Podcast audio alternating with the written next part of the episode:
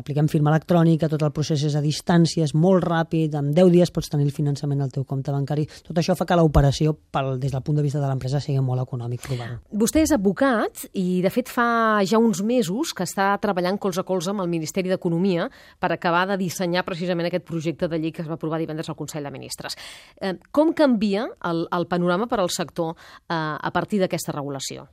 Sí, um, no, des del sector estem molt contents des del sector perquè aconsegueix una miqueta, es pot millorar, eh, però aconsegueix per una part protegir l'inversor donant-li més garanties, hi haurà una supervisió del, del Banc d'Espanya, de les plataformes com la nostra i de la CNMV, ens obligaran a passar auditories... I posa límits també d'inversió, Posa no? una sèrie de límits per l'inversor no acreditat i podem parlar de què és què acreditat. Què vol dir, no acreditat? No. Sí, bàsicament l'inversor acreditat és un inversor que defineix el, el text normatiu que té com a mínim 50.000 euros d'ingressos ingressos anuals o un patrimoni financer de com a mínim 100.000 euros. Molts dels nostres clients ja ho tenen. I l'inversor no acreditat eh, tindrà una sèrie de limitacions que són no invertir més de 3.000 euros per empresa, per sol·licitud de préstec.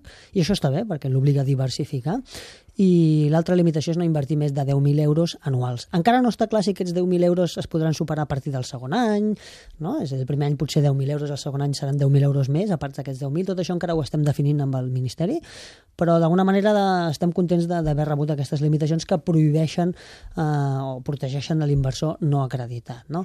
Vostès eh, quant temps fa que existeixen, Arboribus? Uh, fa un any que vam donar el primer préstec, el juliol passat, de fet el primer préstec d'Espanya amb aquest nou sistema el van donar des d'Arboribus el juliol passat. I quants diners han deixat des de llavors? Pues estem a prop de fer un, el primer milió d'euros en préstecs i tenim més de 1.600 inversors registrats. No? I per quina mena de projectes? Nosaltres financem tot tipus d'empreses, tots els sectors, són empreses que porten mínim dos anys i mig facturant i amb beneficis, no? són empreses dir, que, que ja funcionen, i hem finançat des de liquidesa, préstecs a 12 mesos, préstecs a 24 mesos, a 36 mesos per comprar maquinària, per exportar... I quina és la mitjana d'inversió?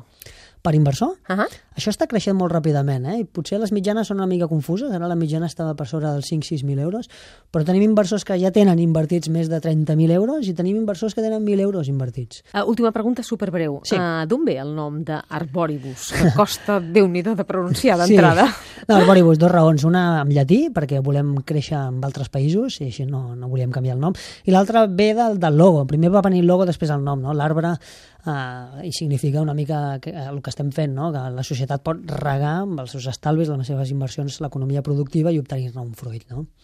Doncs avui hem conversat amb el Josep Nebot d'aquesta plataforma de crowdlending per a pimes, que és Arboribus. Gràcies. Sort. Gràcies.